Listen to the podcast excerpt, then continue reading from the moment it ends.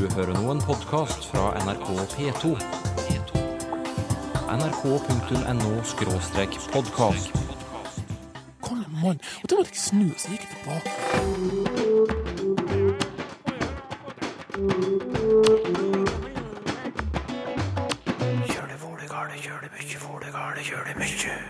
Ikke alltid lett å være svensk i Norge. En jente jeg snakka med, hun, hun var i Norge tre måneder aleine. Skjønte ikke hva sjefen sa til henne, skjønte ikke hva naboene sa. De tre prikkene, som vi kaller ellipsetegn, lar leseren tenke resten selv. Også Og så har han den i de prikk, prikk, prikk. Oten, ja. Oten. ja, akkurat. Ja. Hva kan du si om ordet sykkel, Sylfes Lomheim? Det heter en sykkel. Ja, det sa jeg jo, men utover det? En sykkel, flere sykler. Ja, men altså, skjønner Eller eventuelt sykler på bokmål. Hallo! Med K-L-E-R. Nei, nå, nå er det nok selvfølgeligheter. Du, kom med noe bedre mot slutten av sendingen, da. Ditt første møte med norsk språk, hvordan var det? Oi, det var, ja, men det var litt svårt å forstå i begynnelsen, men man burde komme inn litt og forstå bare så at norsk norska eh, arbetskamrater pratar lugnt og sånt der, som jeg henger med i svingene. Norsk kan være overraskende vanskelig å forstå for svensker. Vi har tusener av arbeidsinnvandrere fra Sverige, og for mange av dem blir ikke det første møtet med norsk språk helt som forventet. Ida Tolgensbakk skriver en doktoravhandling om unge svensker som jobber i Oslo, og hun har med et kapittel om språk. Hvilke forestillinger hadde de om norsk, siden de ble så overrasket? Nei, altså de her unge svenskene jeg prater med, eh, språket er helt klart ikke noe de bekymrer seg for på forhånd. Det er helt andre ting de tenker på når de skal planlegge reisen til eh, Norge og Oslo. Eh, så utgangspunktet det de jeg har snakket med har hatt, har stort sett at dette skal være helt uproblematisk. At norsk er så likt svensk at det skal gå helt glatt. I hvert fall så lenge ikke nordmennene snakker dialekt. Det er liksom det er det eneste kanskje språkbekymringen de har, da. Og, og hva slags forhold eh, har de til norsk eh, fra før? Altså, det er en ting jeg syns er overraskende. Jeg kommer fra Oslo og har vært mange ganger på sommerferie i Sverige. og har liksom, Vi har på en måte et nært forhold til Sverige, mange nordmenn. Men de her unge svenskene jeg snakka med, de, de fleste har hatt veldig lite kontakt med Norge og med nordmenn før de kom som arbeidsinnvandrere. Mange av de jeg snakker med, eh, det er første gangen de er i Oslo når de kommer for å, for å begynne å jobbe. Så da er det ikke så rart at det oppstår noen vanskeligheter. da. Ja, nei, fordi at Det du har fortalt oss nå, er at de er optimistiske. De tror dette skal gå greit. Norsk er ikke noe vanskelig. Selv om de kanskje aldri har snakket med en nordmann før, så kommer de til Norge, og i ditt tilfelle til Oslo da. Og hva er det de opplever da som har med forståelsen av norsk å gjøre? Jo, altså, det, det er helt fra sånn bitte små problemer. For eksempel, du får jobb i kassa på en, i en kiosk, eh, og så skjønner du ikke hva kunden mener når den ber om fyrstikker. ikke sant? Og Det er en bagatell, og den lar seg veldig lett oppklare. K- Kanskje skal være litt flaut å spørre kunden hva, hva er det du mener, eh, men det er ikke noe stort problem.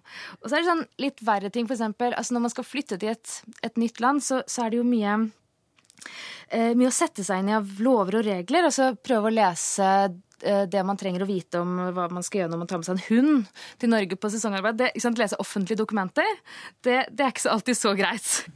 Men så er det, det, det, som kanskje er mest alvorlig, er jo den ensomheten som kan oppstå sosialt når man, når man ikke føler at man får kontakt med folk rundt seg. For eksempel en, en jente jeg snakka med, hun, hun var tre, i Norge tre måneder aleine. Eh, skjønte ikke hva sjefen sa til henne, skjønte ikke hva naboene sa.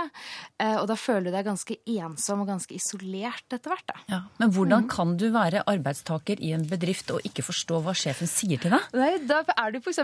postbud, eller en annen sånn stilling hvor du egentlig er mye for deg sjøl.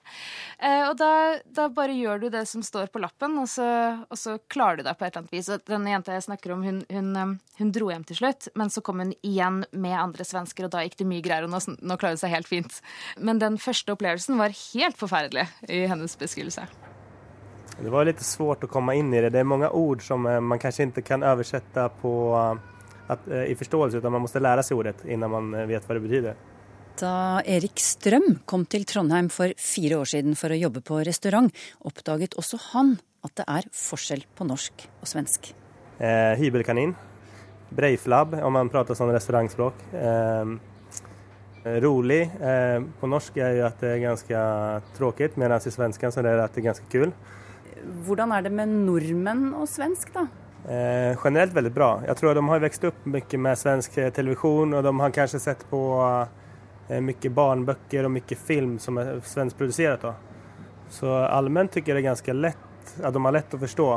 Det samme sier svenskene i Ida Tolgensbachs undersøkelse. Eh, jo, eh, de her unge svenskene i Oslo de er stort sett veldig fornøyd med at det går bra å gjøre seg forstått overfor nordmenn. Og i materialet mitt så, så har jeg også funnet en slags sånn takknemlighet overfor nordmenn. At det går så bra som det gjør. At de syns det er så deilig at, at nordmenn skjønner hva de sier når de snakker svensk.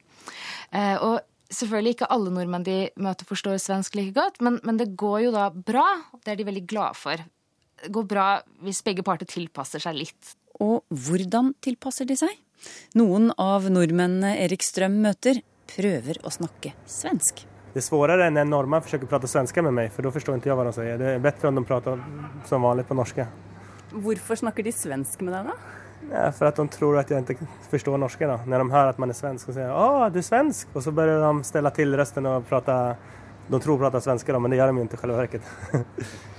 Eh, vad jag har märkt är att de yngre generationerna här i Norge har lite eh, svårt att förstå vad vi menar och sånt där. Unge nordmenn forstår ikke svensk så godt.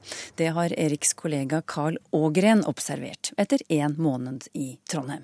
Hvordan løser han problemet? Da blir det litt om at jeg får snakke litt norsk, Norsk Ellers Annars blir det litt som tegnspråk. teckenspråk.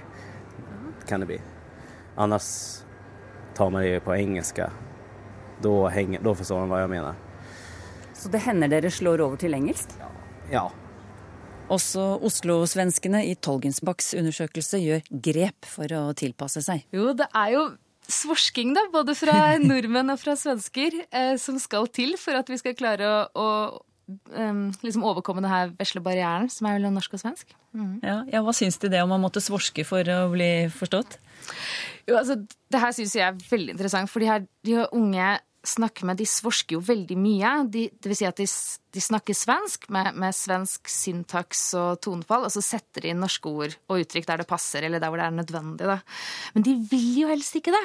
Fordi i en sånn ideell verden, sier de, så vil de helst snakke rent norsk når de snakker eh, med nordmenn, og så vil de snakke rent svensk når de snakker med svensker i Oslo, eller, eller når de er hjemme. Svorsk eller, eller svorska, det er fult, sier de. Det er stygt. Ja, det er ordentlig stygt, synes de. Det synes ikke Erik Strøm.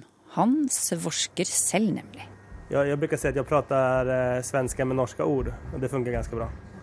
Men jag, jeg våger ikke gå over og prate norsk. Men, Hvorfor ikke? Nei, det blir jo at man, eh, man, man vet at att man har en brytning, at man, prater, pratar, att man prater, med litt dialekt. Då, eller, så nei, jeg syns det funker så bra. Jeg er veldig bekvem med å prate min svenske. Så kan jeg bare legge over på de norske ordene når jeg vet, Når jeg vet hvilket ord jeg skal anvende i stedet. byter, eh, byter så mange ord jeg kan. Så du har begynt å svorske, rett og slett? Ja, man vill kalle det det. Sånn. Hva syns du om det å svorske? Er det en bra eller dårlig greie? Nei, men det er en bra grej. Kanskje like greit at Carl og Erik ikke er medlemmer av den Facebook-gruppen som forsker Ida Tolgensbakk har med i materialet sitt. Gruppen er for svensker i Oslo. Denne, denne Facebook-gruppa jeg har fulgt, den har ganske tøff og hard tone. Så i diskusjoner så kan man ofte liksom avvises på det grunnlaget at, at du er useriøs. Du blander svensk og norsk for mye. Tydelig at du har bare gjort nordmann av deg, liksom, så du får ikke lov å være med her. Og så ser jeg også at det er mer sånn vennskapelig erting når, når eh, noen av deltakerne bruker norsk tastatur og skriver norske ø-er og æ-er, og da blir de erta fordi det blir ofte kommentert, da. Men er det noen som vurderer å lære seg norsk? Å gå på kurs rett og slett og lære seg å skrive og, og snakke norsk eh, skikkelig? Ja, så nå har jeg fokusert på de yngste og ofte ufaglærte, og de færreste av dem har jo tenkt til å bli. De, de kommer til Norge med en plan om å jobbe en kortere eller en litt lengre periode. Ikke for å bosette seg permanent. Og derfor er jo interessen og også behovet for å lære seg norsk er ganske lav. Men så er det jo sånn med all innvandring at plutselig så har man norsk kjæreste, eller så har man kjøpt seg hus, eller man vurderer videreutdannelse, eh, og så skjønner man plutselig at det blir litt mer enn den der ene sesongen. Eller ikke minst så har man klatra i jobben sin, fått en mer ansvarsfull jobb til mellomleder f.eks., og da må man plutselig kommunisere skriftlig. Og det er en helt annen historie. Det er mye vanskelig å lære seg uten noe sånn formell opplæring, og da er det en del av de her ungdommene, eller unge voksne som jeg snakker med, sier at sånn, nå, nå trenger jeg faktisk et norskkurs. Mm. Sa kulturhistoriker Ida Tolgensbakk, som skriver doktoravhandling om unge svenske arbeidsinnvandrere i Oslo. Og så kan man jo spørre seg om det virkelig er nødvendig for svensker å gå på norskkurs for å kunne jobbe i Norge? Det er det for enkelte. Hør mer neste gang.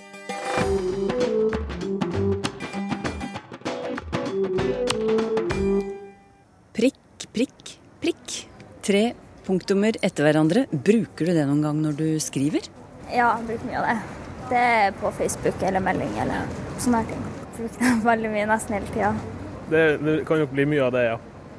Det blir jo stort sett Facebook, det òg. De her tre prikkene. Prikk, prikk, prikk. Bruker Ja. du det noen gang? Jeg bruker av og til.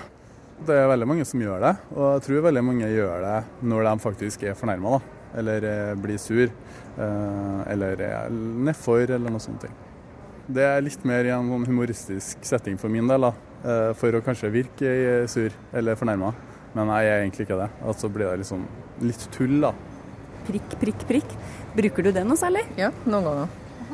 Hvilke sammenhenger da? Det er sånn hvis, hvis hvis forteller noe, forklarer noe, og så kan det være litt mer, da. Forskjellige andre ting, liksom. Så det bare prikk, prikk, prikk. Istedenfor å forklare alt, så kan man sette prikk, prikk, prikk. Hvis jeg ikke har lyst til å si det ordet som skal stå der, f.eks., så blir det tre prikker. Prikker kan brukes på ulike vis, og tre slike punktummer etter hverandre har et navn. Det vil si, det finnes flere navn. Ellipsetegn, utelatelsestegn, avbrytingstegn, eller bare tre prikker. Men hva er det for noe, egentlig? Karianne Skovholt ved Høgskolen i Buskerud og Vestfold har arbeidet med temaer som tegnsetting og kommunikasjon, og hvor kommer ellipsetegnet fra? Jo, det kjenner vi fra skjønnlitteraturen og i skjønnlitterære dialoger. Eh, Ellipsetegnet det markerer at et ord er utelatt, eller at fraser er utelatt. Altså av, avbrutt tale. Det kan være at en samtalereplikk blir avbrutt. Og mm, et uh, gøyalt ord for dette, det er aposiopese. Jaha, det var, hva betyr det? Det betyr å tie med noe, og det kommer fra gresk. Så i Bokmosorboken så står det at det er en talefigur der en setning blir avbrutt, slik at den må tenke seg til resten. Og det gir jo mening, gjør det ikke det? Jo, det gjør kanskje det. Har du, når du, du snakker om skjønnlitteraturen, har du et eksempel kanskje som kan anskueliggjøre det? Ja, eh, for eksempel eh, Ja, eh, også han den i de prikk, prikk, prikk. Oten, ja. Eh, Oten. ja, akkurat. Ja. Der må vi tenke resten selv. Da er det tre prikker som eh, viser at her er det noe som er tatt ut, noe som er fjernet. Ja, og så kan det jo også være at, at disse tre prikkene markerer at en samtalereplikk blir avbrutt, og sånn er det jo også i eh, vanlig ansikt-til-ansikt-samtale når vi snakker sammen, at vi eh, avbryter hverandre, stopper oss selv, ikke snakker ferdige setninger.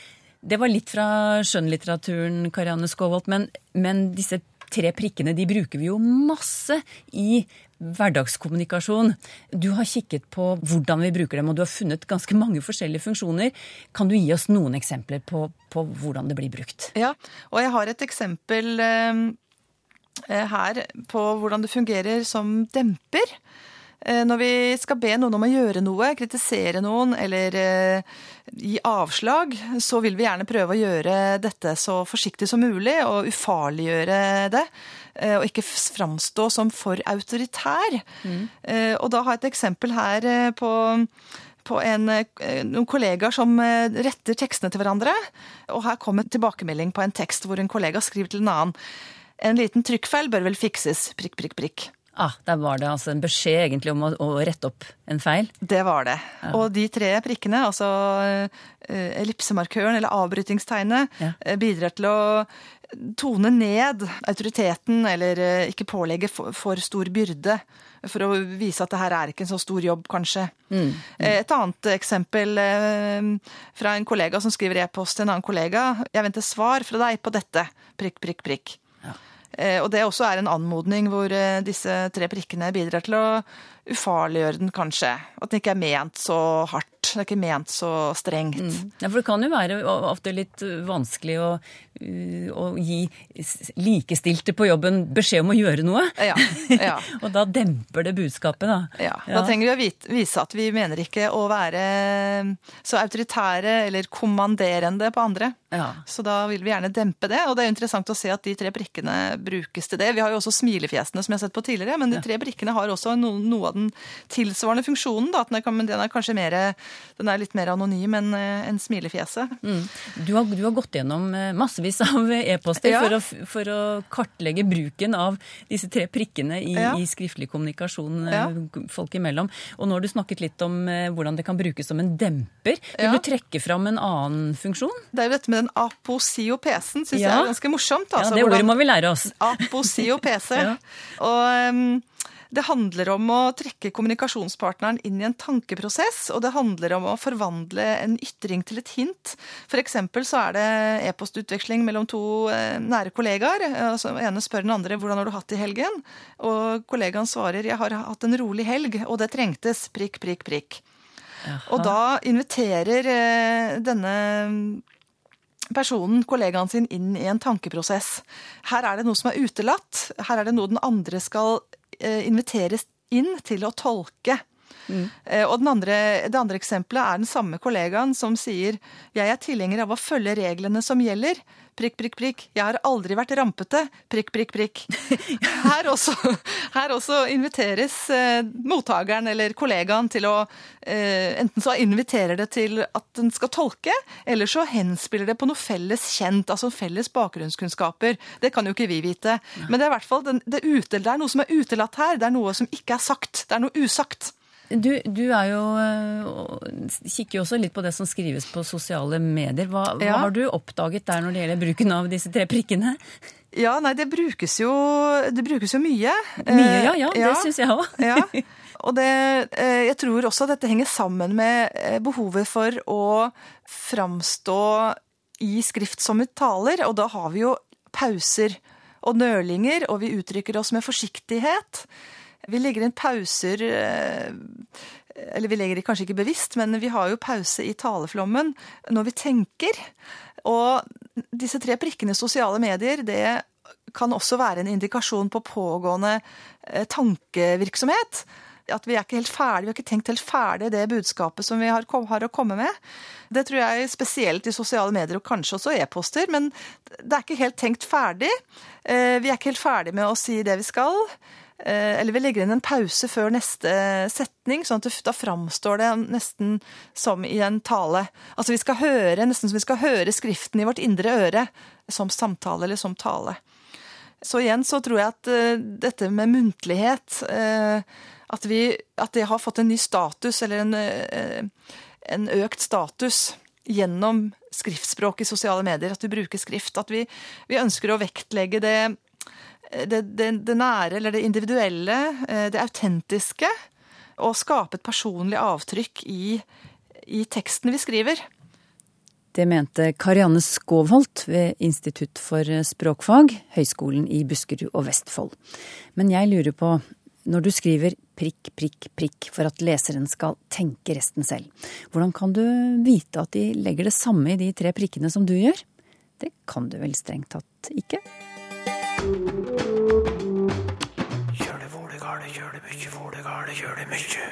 Vi er heldige, Sylfest Lomheim, som har en så aktiv og språknysgjerrig lytterskare. På Twitter eksempel etterlyser Jarle Petterson en forklaring på hvorfor vi skriver én sykkel, men ikke flere sykkeler. Eller verbet å sykle, og ikke å sykle. Kan, hva kan du svare om? Dette har med uttale å gjøre, trykkforhold, for vi hører jo at det heter en sykkel, men vi sier jo sykler, og da hører vi at den e-en der er veldig trykklett, og han står absolutt i en posisjon der han nærmest forsvinner. Eh, en sykkel, flere sykler. Og det har da ført til at i skrift så er ikke den e-en med lenger, og det betyr òg at den doble k-en forsvinner, så det heter syklar, eller eventuelt sykler, eh, på bokmål, med k-l-e-r. Vi har jo det samme forholdet i et teater, teatret. Der er det ikke slik at e-en nødvendigvis er borte, men det er valfritt. Du kan skrive teatret uten den e-en mellom t og r, eller du kan skrive med e-en, altså teateret. Men samme forhold dette er trykklett, og dermed så er det korrekt å skrive teatret uten den e-en mellom t og r. Sånn er det. Ordet sykkel, det kommer jo fra et gresk ord, kyklos, som har blitt til syklos, og da skjønner vi at det er i slekt med både sykkel og syklon. Den opphavelige tydinga på gresk, kyklos, er ein ring, eller en sirkel. Så en syklon, da skjønner vi det er en kvervelvind, en som går rundt. Er det det samme som ø, syklus også? Og også syklus, det er det som går rundt, det som kommer igjen. Isak S. Hetta skriver til oss om ordet hamstringsskade. Sportsjournalister snakker ofte om det, skriver han. Hamstringsskade. Finnes det ikke et godt norsk ord for denne skaden? For hamstring, eller hamstring, det er da vel engelsk? Ja, hvis det er utgangspunkt i engelsk, så gir det jo god mening på engelsk, fordi at string tilsvarer jo det norske streng, og da kan han tenke seg en scene, og hem er jo skinke, eller kanskje lår. Så eh, da er ordet lett å forstå, men jeg har jo ikke greie på slike muskelskader. Det er jo muskelskade i på baksida av låret ditt, er ikke det det? Jo, jeg, for å kvalitetssikre akkurat denne delen av svaret, så har jeg kontaktet uh, Rosenborg-klinikken uh, i Trondheim. Og Torbjørn Grøntvedt, som er daglig leder og overlege der, han skriver til oss at hamstringsskade betyr skade av muskulaturen på baksiden av låret, fra setet og ned til kneet. Og disse musklene har samlenavnet hamstringsmusklene.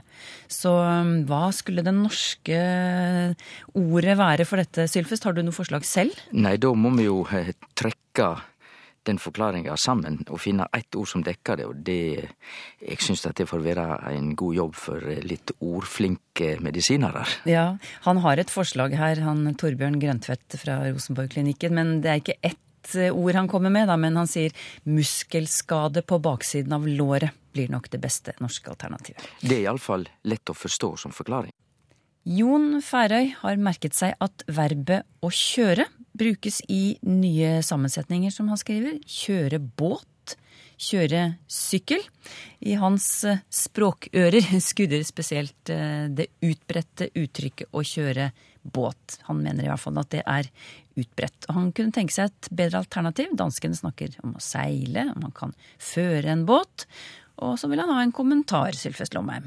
Ja, jeg vil vel si at jeg er langt på vei enig med Jon Færøy. Det er jo ikke bare danskene som snakker om å seile og å føre en båt. Det er like gangbart på norsk, og det vil jo jeg vente meg som verb når det gjelder båter. Men det er jo tydelig at verbet å kjøre har ekspandert i bruken, altså at det blir brukt i veldig mange sammenhenger. Og det er jo aldri noe særlig god utvikling hvis han tenker på presisjonsnivået, så det beste er å bruke spesifikke ord. Køyre sykkel vil jo jeg aldri ha brukt, og jeg ville være tilbøyelig til å si at det er feil, vi sier å sykle. Kjøre båt, der er litt mer usikker i utgangspunktet, så vil jeg ikke kanskje si at det er rett heller, men vi veit jo at det er så mange racerbåter nå med motor, og det er jo nesten som å sette en bil på vannet og frese bortover, og det er jo det som er bakgrunnen for at folk begynner å snakke om å kjøre båt også, men jeg vil jo i utgangspunktet bruke verbet å kjøre om bil og vogn på landjorda, og motor og hest og den slags. Fordi da er det en mer spesifikk bruk, og det er alltid betre å ha spesifikke ord, for da er du meir presis, enn sånne sekkeord som du bruker med alt mulig. Det formidler da mindre eh, innhold. Borgny Holmang skriver til oss om noe hun syns er eh, språklig ugress. Og det er ordet forsvunnede. Hun eh, har noen eksempler. I en nyhetssending i eh, NRK så hørte hun formuleringen 'det forsvunnede flyet' istedenfor 'det forsvunne flyet'. Og så var det omtale av et teaterstykke hvor det handlet om en pike som søkte etter sin forsvunnede bror. Og en parallell, ordet 'foretrukkede'. Det fant hun i en instruksjon på Facebook. Endre rekkefølgen av foretrukkede nettverk. Hun er ikke helt fornøyd. Sylfes Lomheim, eh, hva kan du si om disse eksemplene hennes? Nei, jeg forstår det, men dette er egentlig ikke så, så lett. Det, det er veldig eh, Veldig greit å forstå at uh, slike uttrykksmåter som hun nevner, dukker opp. Men vi kan ta uh, forsvunne. Det heter jo et forsvunnet fly. Og da er det adjektivet forsvunnen, en forsvunnen mann og et forsvunnet fly. Partisippen i verbet å forsvinne er jo forsvunnet, og det er jo forsvunnet da de begynner å bruke i adjektiv funksjon, og det er veldig lett å forstå for alle ikke alle, da, men i, i, prinsippet så er det jo slik at eh, partisippen i verbet ofte kan brukes som adjektiv. Vi er jo vant til det, og dermed så oppstår kanskje den ordbruken som hun peker på.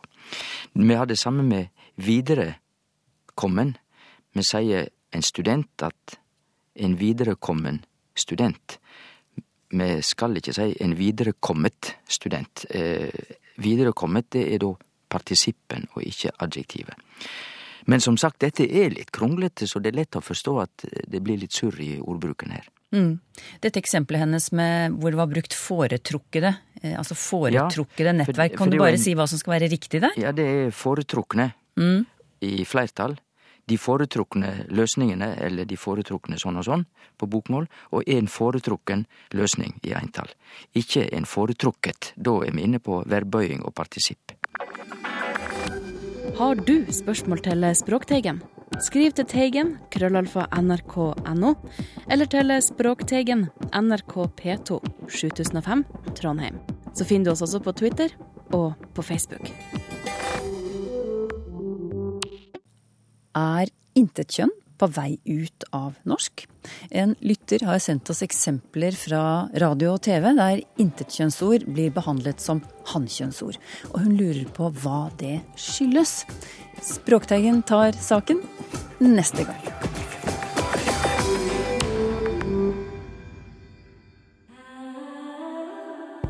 nrk.no podkast.